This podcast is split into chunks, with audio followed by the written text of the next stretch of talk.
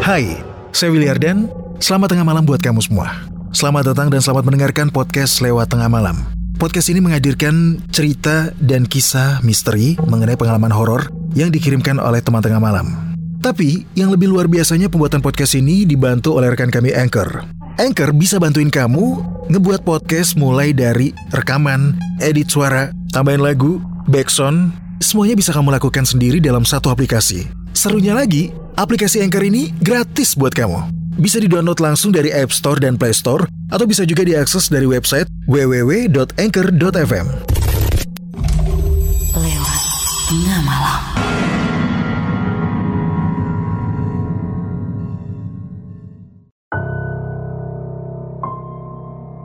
Selamat tengah malam, kamu lagi mendengarkan podcast lewat tengah malam bersama saya Willy Ardan. Buat teman tengah malam yang pernah nonton film horor Insidious, berkisah tentang roh si anak keluar dari dalam tubuhnya saat tidur. Kemudian, rohnya terjebak di alam baka. Nah, fenomena roh keluar dari tubuh tersebut memiliki istilah ilmiah yaitu astral projection. Simak pengalaman Nara, Meraga Sukma, dan masuk ke dimensi alam roh hanya di episode 136 Astral Projection.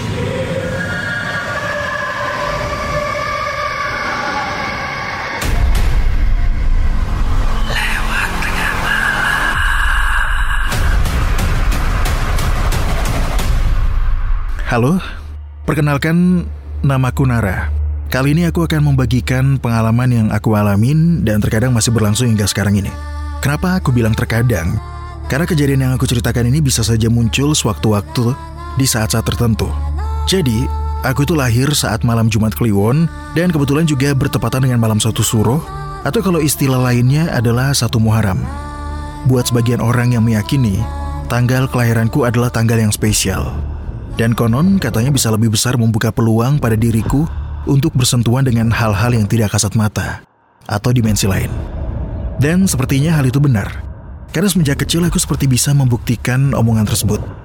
Aku mulai peka dengan hal-hal yang tidak terlihat oleh mata biasa. Pada saat aku kecil, saat SD, aku sudah mengalami apa yang sering orang sebut dengan ketindian. Hal yang paling sering aku alami adalah terbangun di tengah malam saat tidur. Kemudian sulit untuk bernafas, seperti terengah-engah atau kelelahan. Namun beberapa saat kemudian semua berjalan normal kembali dan aku kembali tertidur. Entah berapa kali aku mengalami tindihan, hingga aku akhirnya menganggap itu hal yang biasa-biasa aja. Tapi lambat laun, saat aku memasuki masa SMP, aku mulai mengalami hal yang lebih aneh. Kali ini aku bisa bermimpi. Tapi ada yang aneh dengan mimpiku. Aku melihat tubuhku sendiri terbaring di kasur dan ketika aku menoleh ke sekeliling kamarku, aku melihat ada sosok-sosok aneh di sana. Ya, sosok-sosok itu berbentuk aneh dan berada di dalam kamarku. Bentuk mereka aneh. Ada yang bentuknya umum dikenal masyarakat seperti pocong, kuntilanak. Ada juga berbentuk seperti hewan, aneh, campuran dengan tubuh manusia. Badan ular, tapi kepalanya manusia. Mereka seperti lalu lalang masuk dan keluar kamarku menembus dinding. Aku yang ketakutan karena pertama kalinya mengalami hal tersebut lalu segera kembali ke tubuhku yang tengah terbaring dan ajaibnya, aku mendadak terbangun dari tidur. Betapa kagetnya aku ketika waktu sudah memasuki subuh.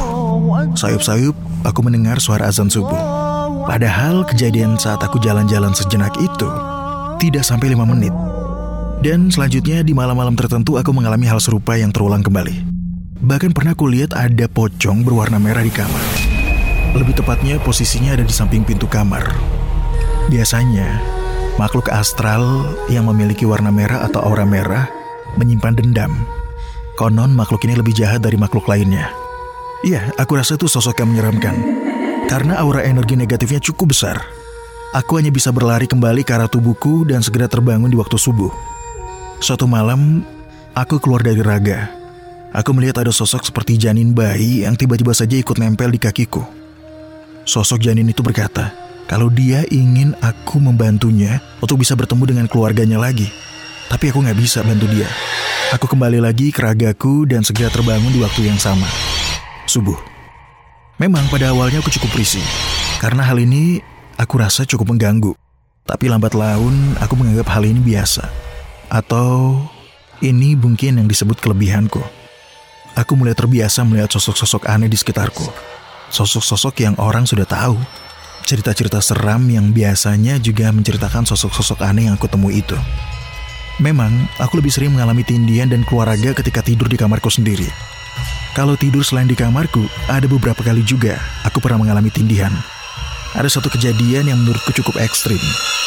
Saat aku masih kelas 1 SMA.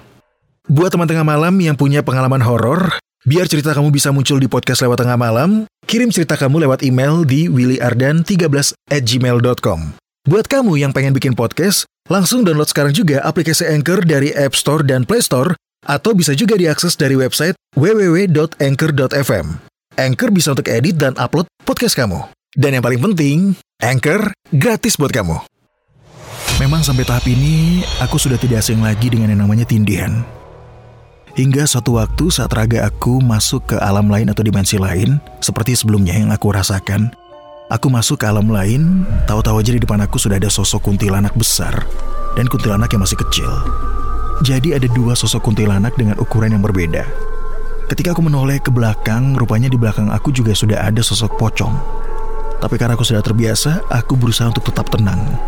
Aku sempat mendengarkan obrolan si kuntilanak.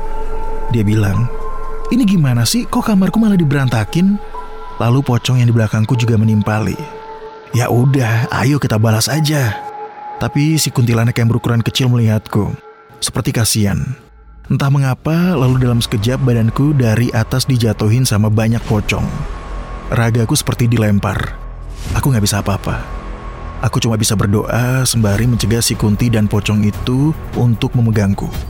Tercium bau atau aroma busuk keluar dari badannya. Aku sempat putus asa. Namun tidak henti-hentinya aku tetap berdoa. Untunglah, akhirnya aku bisa kembali lagi ke dalam tubuhku, bangun, dan sosok-sosok itu pun menghilang. Masih ada kejadian lainnya yang pernah aku alamin. Jadi saat aku masih baru-baru atau masih awal, Praga Sukma atau keluar raga, aku melihat sosok aneh hanya berupa rambut. Hanya rambut yang seolah-olah melayang. Wajahnya tidak terlihat jelas. Aku sempat terdiam lama sambil memperhatikan sosok itu. Hingga akhirnya terdengar suara kalau dia menyukai aku.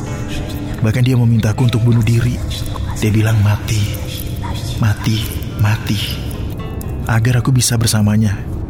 Dan itu yang membuat aku ketakutan banget. Aku melayang dan kembali lagi ke ragaku dan terbangun. Seperti biasa, waktu sudah subuh. Nah, buat teman tengah malam, kebanyakan di Indonesia, astral projection disebut dengan raga sukma atau meraga sukma. Raga sukma dalam sistem keyakinan digambarkan sebagai sebuah kondisi terpisahnya antara tubuh fisik dan sukma atau roh manusia. Tapi tidak seperti orang mati, di mana tubuh fisik dalam kondisi tertidur. Proses meraga sukma bersifat sementara aja, dalam kurun waktu tertentu, biasanya cepat, dengan durasi yang tidak terlalu lama. Dan sukma roh pelaku dapat kembali lagi masuk ke tubuh fisiknya ketika sudah dianggap selesai. Nah, keluarnya roh atau sukma dari tubuh dilakukan untuk kepentingan tertentu, seperti di antaranya memasuki dimensi alam gaib, memasuki dimensi bangsa jin, siluman, alam barza atau alam manusia yang sudah meninggal, atau ke tempat-tempat tertentu di dimensi dunia. Raga Sukma atau Ngerogo Sukmo berkembang dalam keilmuan spiritual Jawa kuno, malah menjadi semacam tradisi yang disebut kejawen. Biasanya, untuk mencapai kemampuan meraga sukma, pelaku melakukan semacam ritual khusus, salah satunya adalah latihan meditasi.